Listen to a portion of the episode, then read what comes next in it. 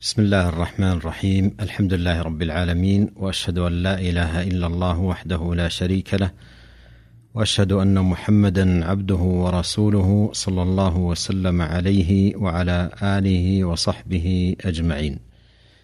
أما بعد ذكر ما جاء في صوم رسول الله صلى الله عليه وسلم. والصوم أصله في اللغة الإمساك والمنع وحبس النفس. وهو في الشرع الإمساك عن المفطرات من طلوع الفجر إلى غروب الشمس. والحديث سيكون عن صوم النبي صلى الله عليه وسلم الواجب والمستحب سواء ما كان منه متكررا بتكرر الأسابيع كصيام الاثنين والخميس أو كان متكررا بتكرر الشهور كصيام ثلاثة أيام من كل شهر أو كان متكررا بتكرر السنوات ومنه صيام شهر رمضان وهو ركن من أركان الإسلام. وكذلك صيام بعض الأيام كصيام يوم عاشوراء وصيام يوم عرفة وصيام الست من شوال. والصيام مدرسة تربوية إيمانية يتلقى فيه أهل الإيمان العبر العظيمة والدروس البالغة. ولهذا قال الله سبحانه وتعالى يا أيها الذين آمنوا كتب عليكم الصيام كما كتب على الذين من قبلكم لعلكم تتقون. فهو طاعة جليلة تغرس في القلوب تقوى الله وتحيي في القلوب قوة الصلة بالله عز وجل وتبعث في النفوس البعد عن الحرام واتقاء الآثام وهو جنة لصاحبه. والصيام الواجب نوعان صوم عن المفطرات التي هي الطعام والشراب وشهوة الفرج فهذا فرض على العباد في نهار رمضان من طلوع الفجر إلى غروب الشمس في كل يوم من أيامه. وصوم عن الحرام والآثام وهذا واجب في جميع الأوقات. ولهذا كان على كل جارحة من جوارح العبد صيام.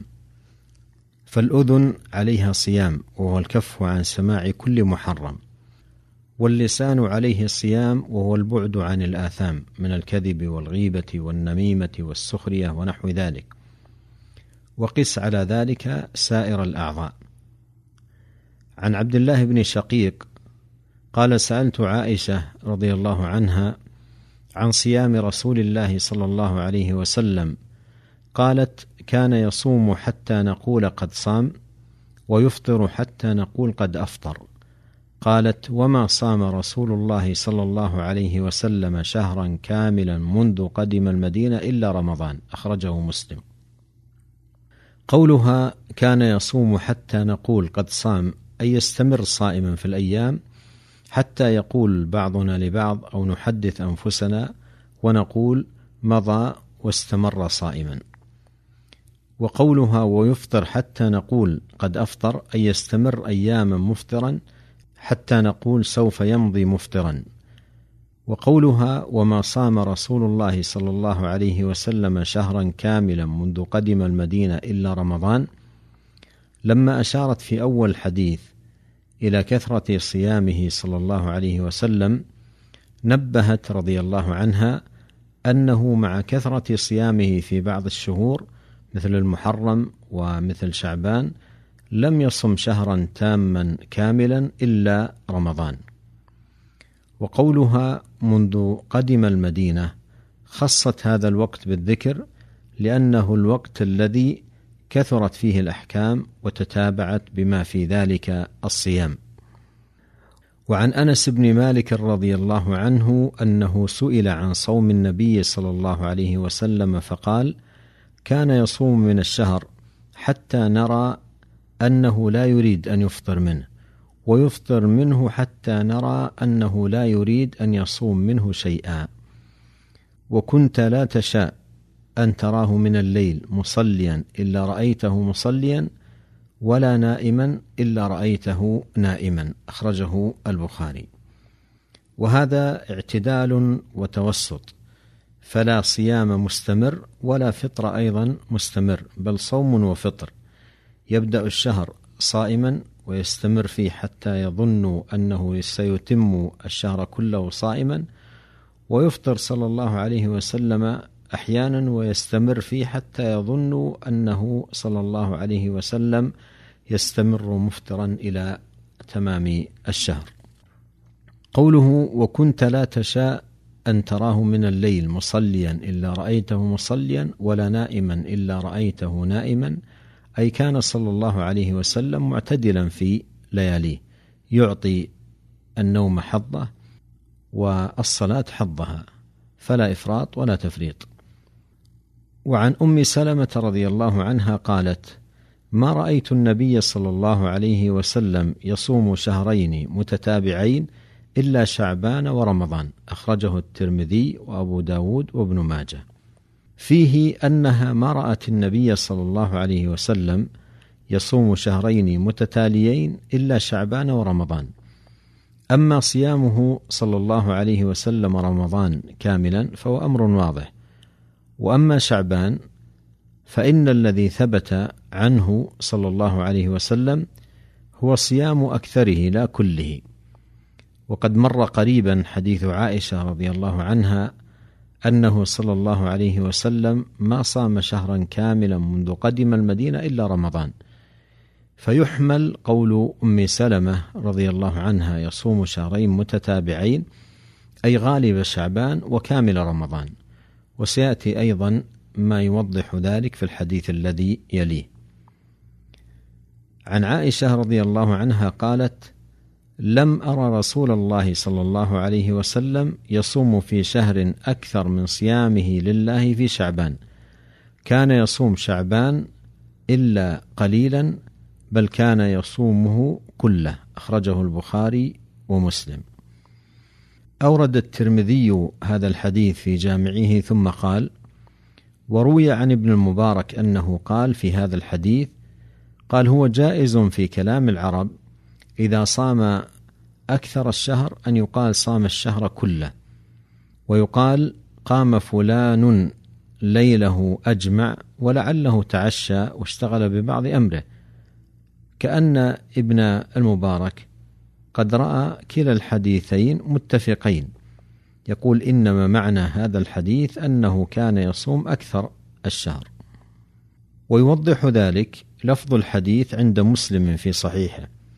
فإنه رواه عن عائشة رضي الله عنها أنها قالت كان يصوم شعبان كله كان يصوم شعبان إلا قليلا فاستثنت بقولها إلا قليلا بعد قولها كان يصوم شعبان كله ولهذا قال النووي رحمه الله في تعليقه على هذا الحديث الثاني تفسير للأول أي قولها إلا قليلا مفسرا لقولها يصوم شعبان كله. وعن زر بن حبيش عن عبد الله بن مسعود رضي الله عنه قال كان رسول الله صلى الله عليه وسلم يصوم من غرة كل شهر ثلاثة أيام وقلما كان يفطر يوم الجمعة أخرجه أبو داود وابن ماجه.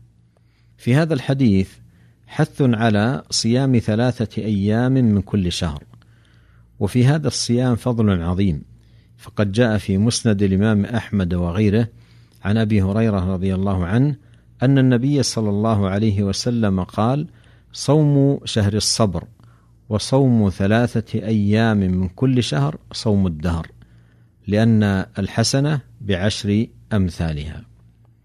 وهذه الأيام الثلاثة إن شاء المرء صامها من أول الشهر أو من وسطه. أو من آخره مجتمعة أو متفرقة ففي صحيح مسلم عن معاذة العدوية أنها سألت عائشة رضي الله عنها زوج النبي صلى الله عليه وسلم أكان رسول الله صلى الله عليه وسلم يصوم من كل شهر ثلاثة أيام؟ قالت نعم. فقلت لها من أي الشهر كان يصوم؟ قالت لم يكن يبالي من أي أيام الشهر يصوم.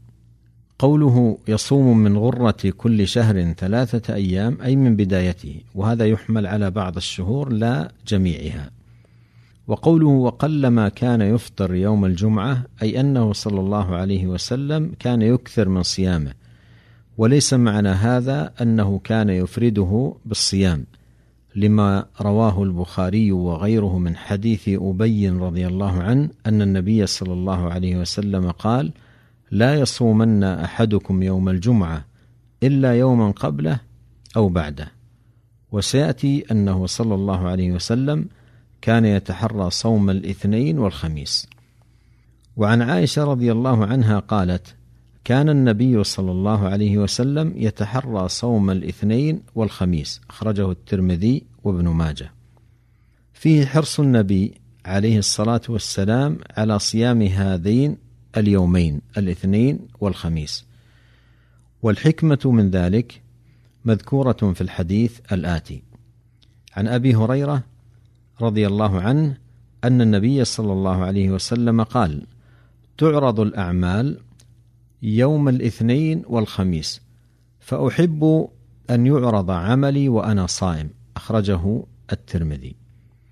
أي أنه صلى الله عليه وسلم يصوم هذين اليومين لأن الأعمال تعرض فيهما على الله فأحب صلى الله عليه وسلم أن يعرض عمله وهو صائم. فعمل الليل يرفع قبل النهار وعمل النهار يرفع قبل الليل وأعمال الأسبوع تعرض في يومي الاثنين والخميس وأعمال السنة تعرض في شهر شعبان. وقد جاء في صحيح مسلم أنه صلى الله عليه وسلم سئل عن صوم يوم الاثنين فقال ذاك يوم ولدت فيه وهذه حكمة أخرى لصيام يوم الاثنين. وعن عائشة رضي الله عنها قالت كان النبي صلى الله عليه وسلم يصوم من الشهر السبت والأحد والاثنين ومن الشهر الآخر الثلاثاء والأربعاء والخميس. أخرجه الترمذي. في هذا الحديث بيان أنه صلى الله عليه وسلم كان يصوم ثلاثة أيام من كل شهر. وإذا كانت هذه الأيام أيام البيض مثلا فإنها تختلف من شهر لآخر. ففي شهر توافق السبت والأحد والاثنين وفي شهر آخر توافق الثلاثاء والأربعاء والخميس وهكذا. وهذا يدل أن يوم السبت إذا وافق أيام البيض أو يوم عرفة أو يوم عاشوراء أو صيم مع يوم الجمعة فلا حرج في صيامه وإنما ينهى عن صيامه إذا قصد تخصيصه بالصيام. قال شيخ الإسلام ابن تيمية وعلى هذا فيكون قوله لا تصوموا يوم السبت أي لا تقصدوا صيامه بعينه إلا في الفرض. وعن عائشة رضي الله عنها قالت ما كان رسول الله صلى الله عليه وسلم يصوم في شهر أكثر من صيامه في شعبان. وهذا يبين ما سبق في حديثها أنه صلى الله عليه وسلم يصوم شعبان كله إلا قليلا. ونسأل الله عز وجل أن يوفقنا أجمعين لكل خير وأن ينفعنا بما علمنا وأن يزيدنا علما وتوفيقا إنه سميع قريب مجيب. وصلى الله وسلم على عبده ورسوله نبينا محمد وآله وصحبه أجمعين. والسلام عليكم ورحمة الله وبركاته.